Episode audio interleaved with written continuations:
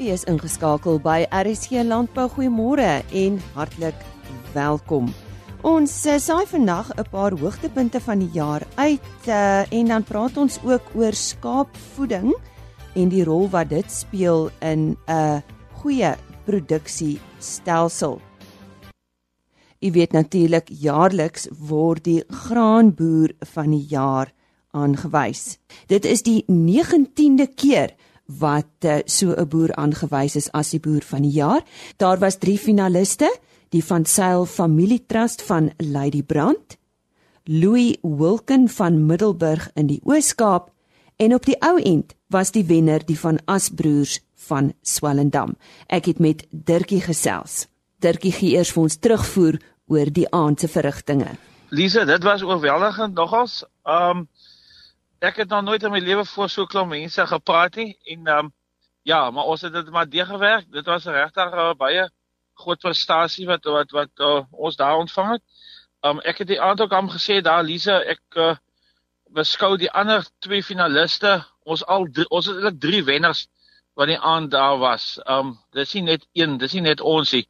En ons al drie um, dink ek kan iets die toekoms instuur vir landbou in Suid-Afrika. Nee, dit is 'n baie baie groot prestasie en uh, ek is ook ongelooflik dankbaar vir uh, gaan Suid-Afrika en dan ook die ander burgers in Genta en ek ek wil ook die name uitsonder uitsonder nie Lisa net nou vergeet ek dalk van die goeie maar byvoorbeeld soos Absa en John Deere wat vir ons um, ook uh, die ander dae gebog het uh, dit was regtig 'n groot geleentheid en um, ons uh, waardeer dit alles wat vir ons gedoen is die aand daarso.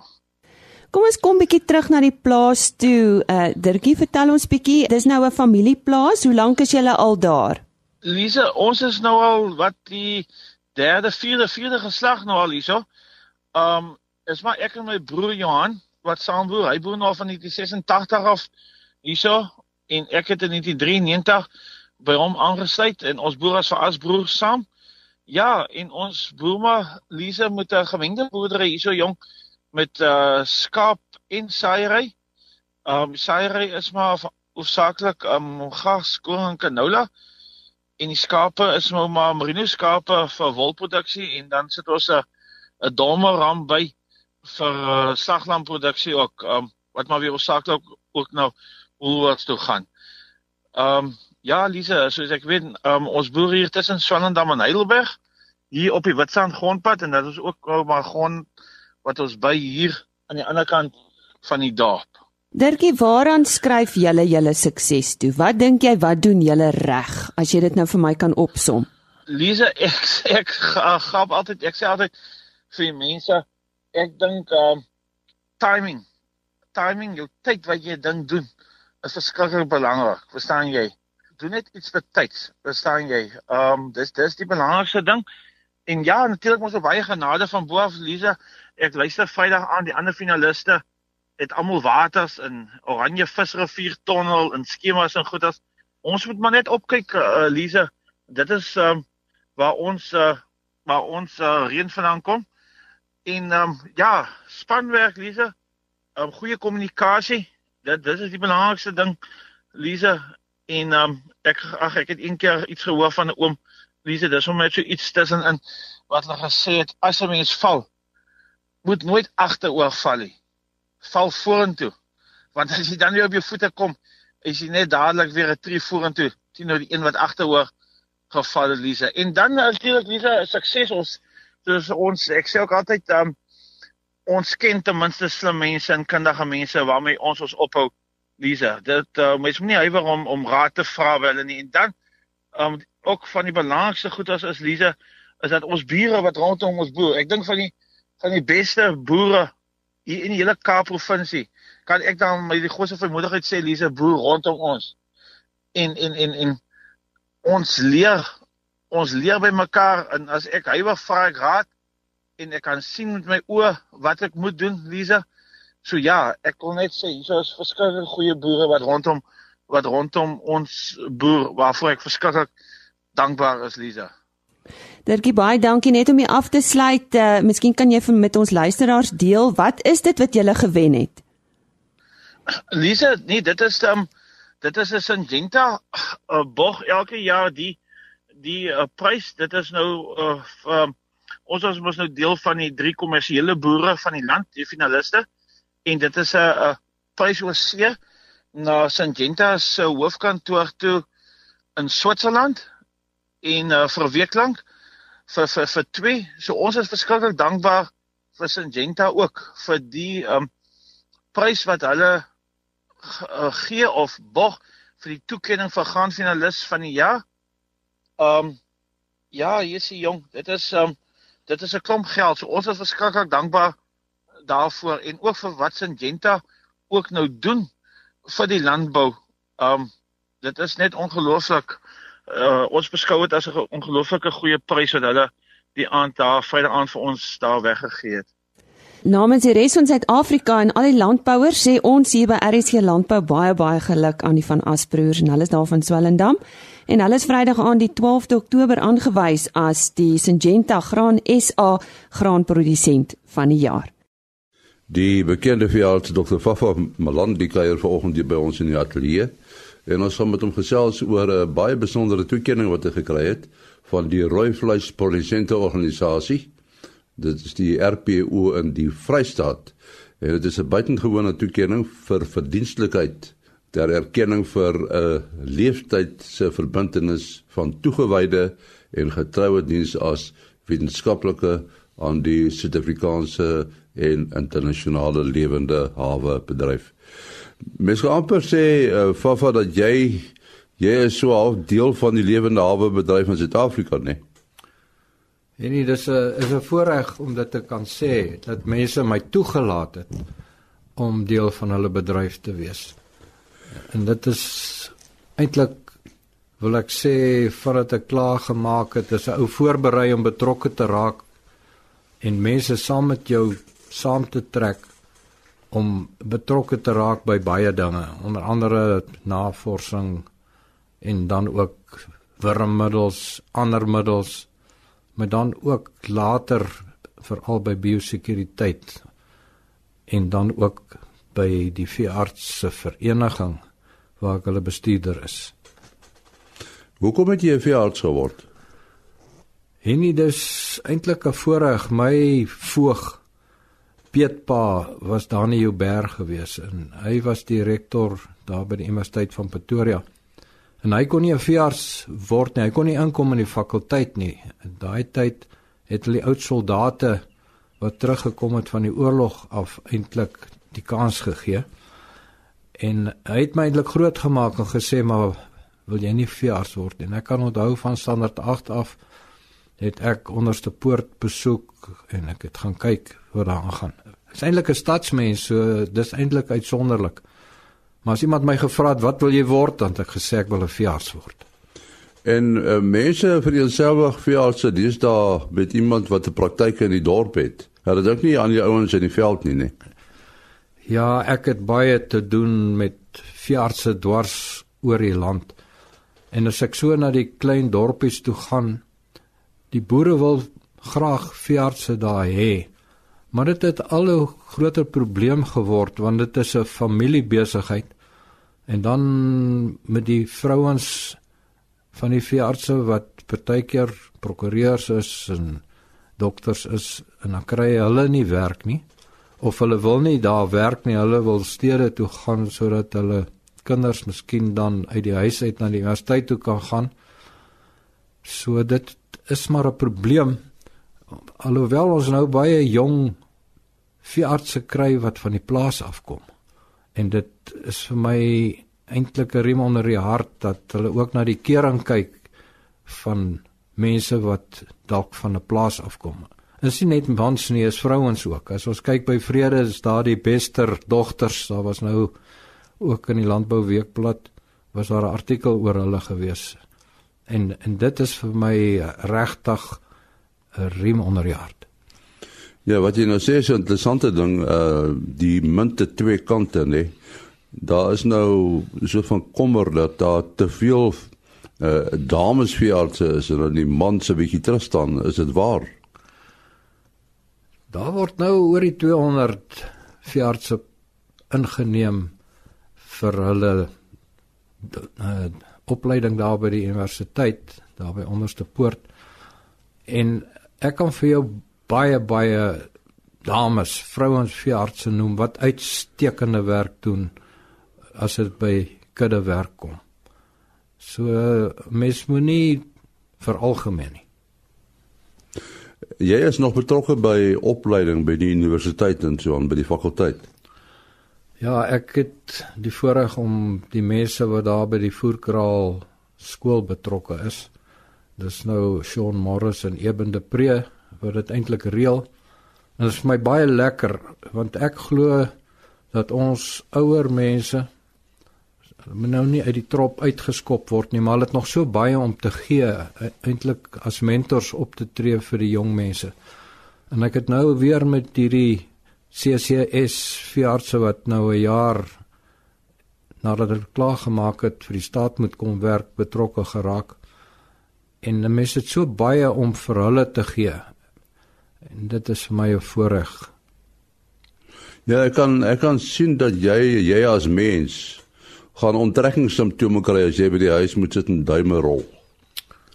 Is miskien waar dat eenslag vir my gesê ek ek is hiperaktief, ek is soos 'n reisies perd wat net staan en weg wag om weg te spring.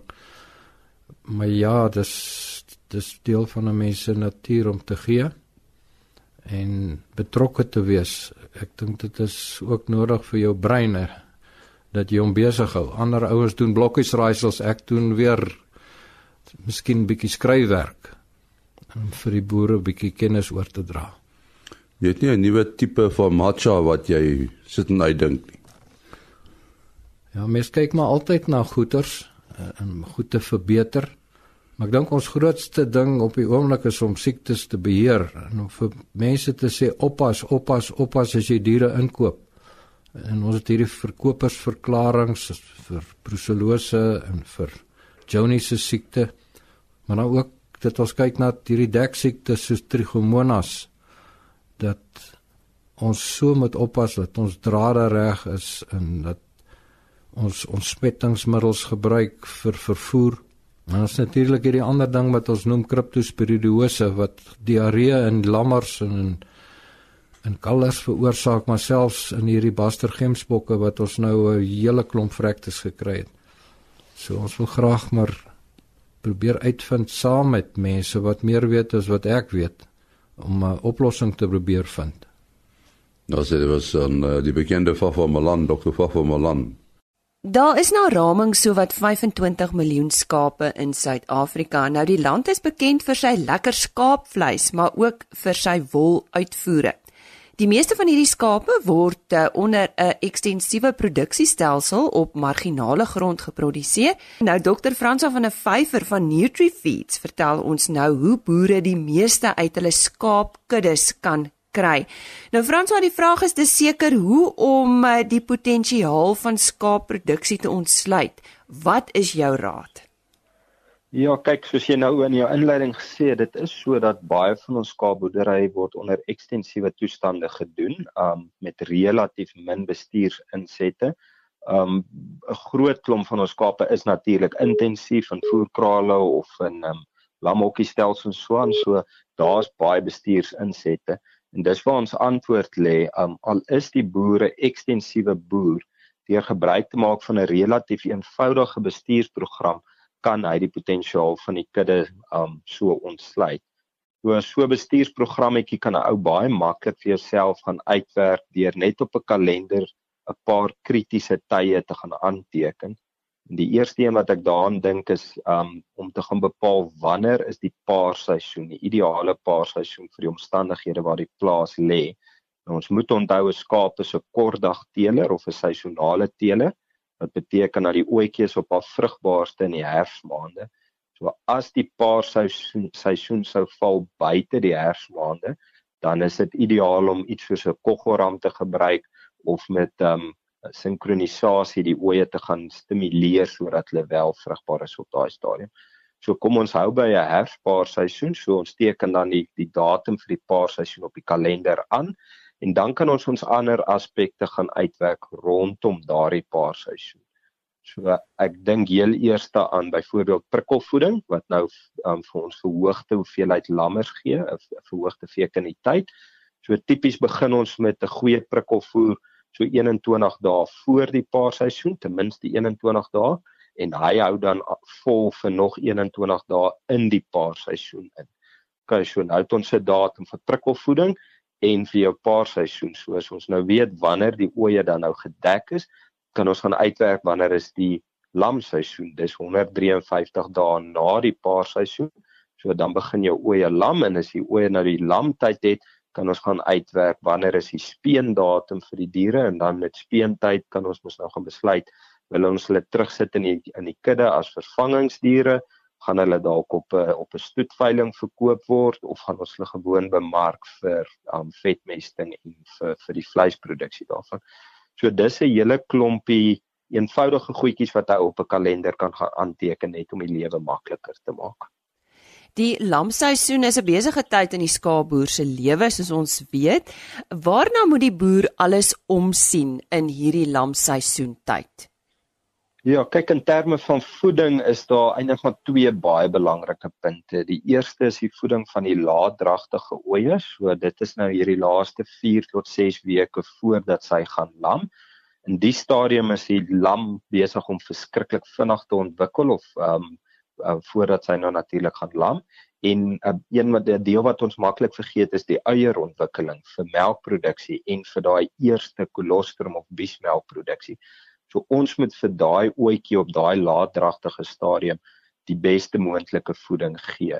En daar dink ek aan spesifiek iets soos 'n verbyvloei proteïen aanvulling of 'n goeie energielek vir die ooi dat sy die voldoende voedingsstowwe kry sodat sy die lam kan grootmaak en ook voldoende melkproduksie.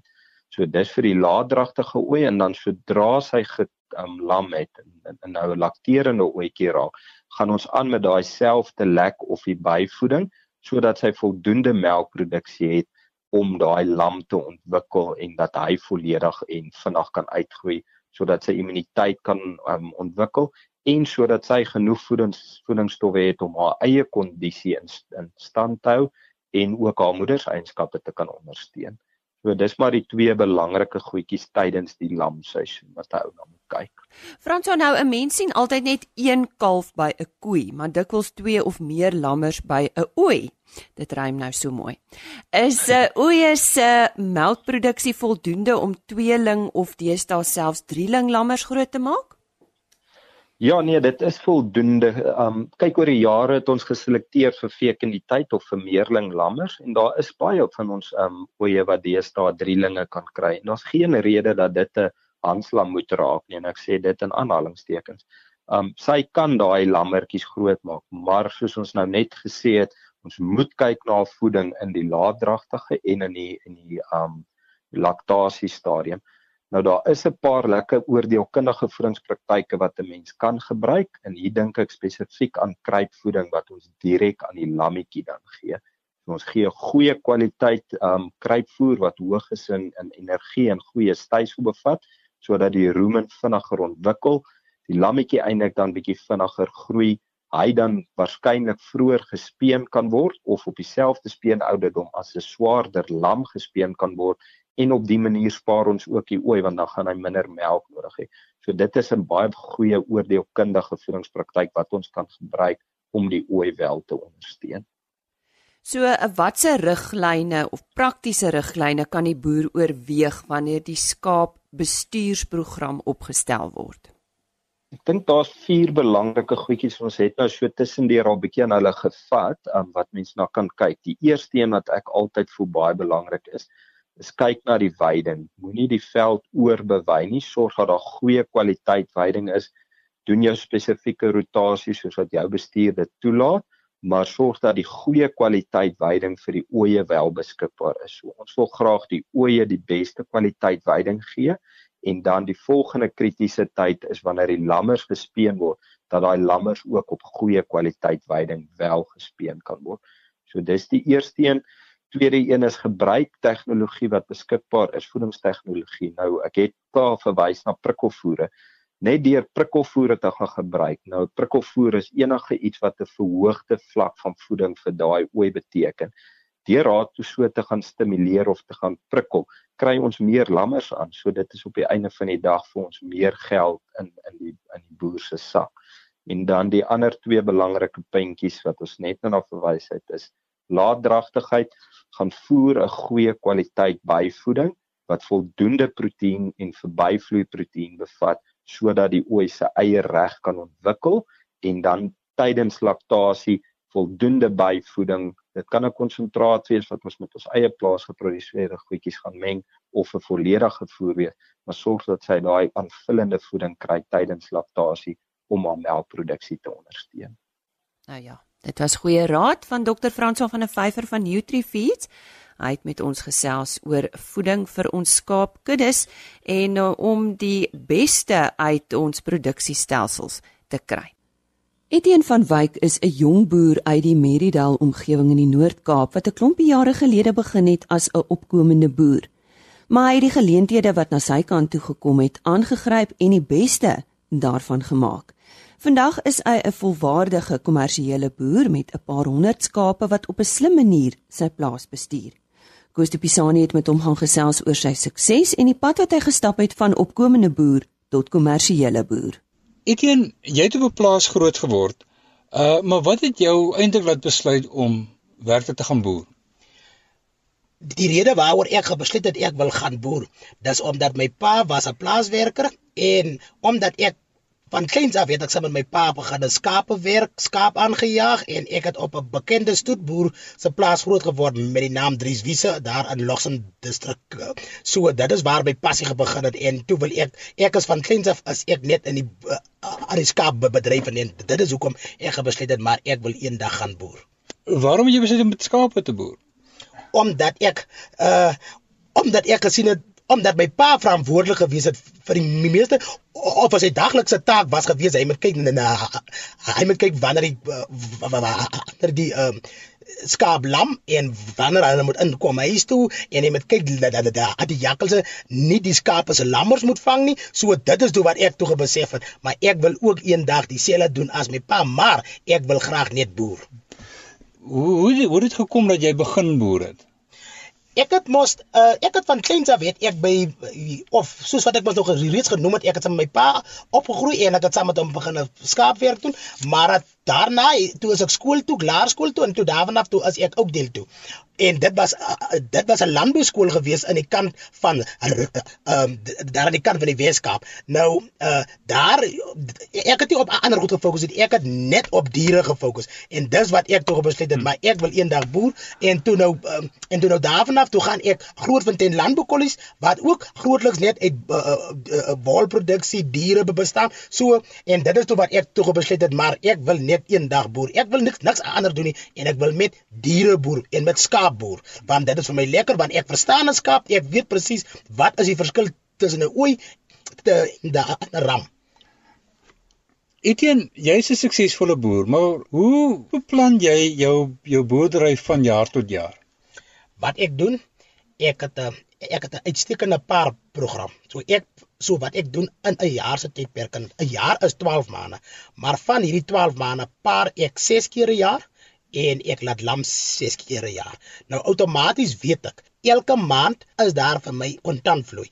So outomaties as ek dit kan so reg kry wat ek nou op die oomblik alreeds reg gekry het, dan het ek elke maand het ek 'n kontantvloei want ek het 'n ouer groep lammers, ek het 'n middelgroep lammers en ek het 'n jonger groep lammers. Dis nou jou paringbeleid. Yes. Die die res van jou uh, boerdery soos nou byvoorbeeld jou jou diere gesondheid, hoe pak jy dit aan? Uh Februarie maand spuit ek my hele diere, alles wat op die plaas is, spuit ek teen bloednier en dan doseer ek hulle welbentel en dan uh June maand spuit ek die hele plaas Cydectin en dan uh Augustus, September dan spuit ek die hele plaas teen lamsiek. Dit is al wat ek doen met die gesondheid en dan tussen tye as ek sien daar's 'n bietjie baie bosluise, dan dan gaan ek in en ek kan koop vir my produk en ek spuit die hele goed papnat met produk net soos enige ander boer is finansies maar altyd iets wat tyd tyd trek aan 'n mens. Maar hoe bestuur jy jou finansies en jou kontantvloei? ek het 'n baie goeie rekenmeester op die oomblik, Pieter Foster. Hy bly in Kimberley in en uh uh uh hy is baie goed met my finansies. Hy werk met my finansies en wat ek doen, uh ek het mos nou elke maand 'n kontantvloei, so daar kom elke maand 'n geldjie in. So ek weet presies die uitgawes van elke maand, dit wat dit dit wat ek bemark, my lammers wat ek bemark, uh, ek kry vir hulle goeie geld, so uh, hulle kan my uitgawes kan hulle dek. Dit was Etienne van Wyk van Merridale wat 'n groot sukses van sy lewe in die landbou gemaak het. En 'n mens haal die hoed af vir 'n man wat vasgebyt het en kan terugkyk op sy lewe. Dis Koos de Pisani vir RSG Landbou op Merridale. As ons weer met u gesels, is dit so bykans 'n uh, nuwe jaar op 31 Desember, maandagooggend is ek Lise Roberts weer terug saam met Henny Maas. Ons kuier dan graag weer saam met u. Geniet die naweek. Totsiens. RSG Landbou is 'n produksie van Plaas Media. Produksieregisseur Henny Maas Aanbieding Lise Roberts. en inhoudskoördineerder Jolandi Root.